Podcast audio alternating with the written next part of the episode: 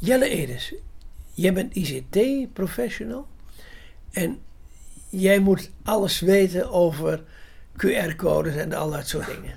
Ja. Eh, en we hebben namelijk nu een QR-code is er ingevoerd, die mo- moeten we dan downloaden enzovoort.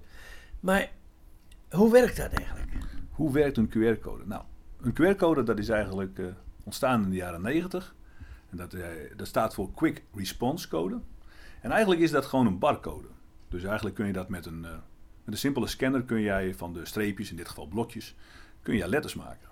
Eh, het wordt eigenlijk eh, het meest gebruikt, heel simpel, voor URL'tjes, voor websites. Alleen de overheid heeft er nu iets in gezien om daar ook onze vaccinatiegegevens in te stoppen. Ja, en, en wat is nou, is er überhaupt een voordeel van? Want, want als ik nu even kijk, van je moet je, je moet je identificeren en je moet laten zien dat je gevaccineerd bent. Ja, in, in een Nou. bepaalde gelegenheid. Maar dan kan dat met een papieren briefje toch veel makkelijker? Dat zou inderdaad met een papierbriefje ook kunnen, als daar de QR-code op staat. Dat, dat, dat maakt niet uit. Nee, nee, maar ook zonder QR-code.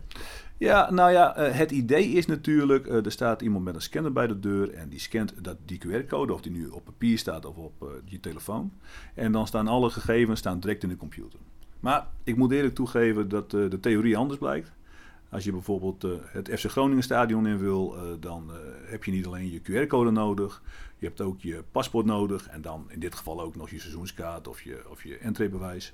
En de rijen worden alsmaar groter, dus de theorie is anders.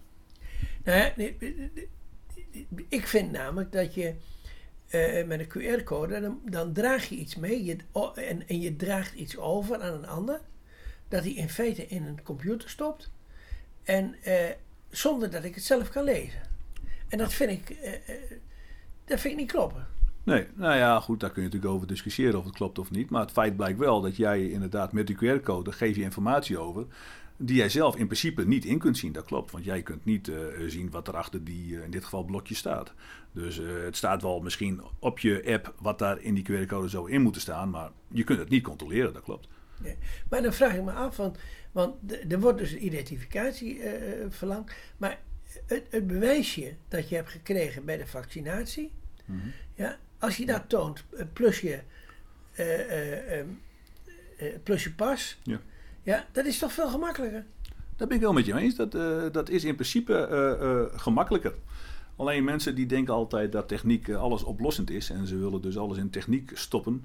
Maar soms is het inderdaad ouderwets papiertje eh, veel makkelijker. Dat klopt gewoon. Maar waarom hebben ze dan die QR-code in? Zit daar een, een belang achter? Wat is dat? Nee, nee, daar zit op zich geen... Nou, ik denk wel dat er een belang achter zit. Met die QR-code eh, kun jij op nummer 1 snel... Tenminste, dat was het idee. Je loopt langs een intreepoortje en je piept en je kunt doorlopen. Alleen de, de theorie is, is anders.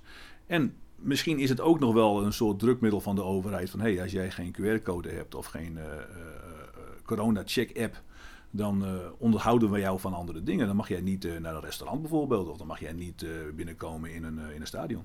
Jawel, maar dat kan met, met een, een papiertje ook. Ja, ja, nee, ik denk dat wij het daar- helemaal over eens zijn, George. Daar hoeven wij geen discussie over te hebben. Ik, denk, ik vind het eigenlijk ook een, een onnodige actie, waardoor het allemaal een stukje minder plezierig wordt.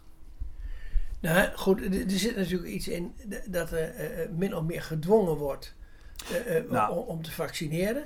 Nou, weet je wat, eh, wat mij hier wel in verbaast? Is dat je aan de ene kant allemaal mensen hebt die altijd op de bres staan voor privacy. En eh, ze willen altijd eh, op welke manier dan ook hun gegevens van het internet kunnen halen.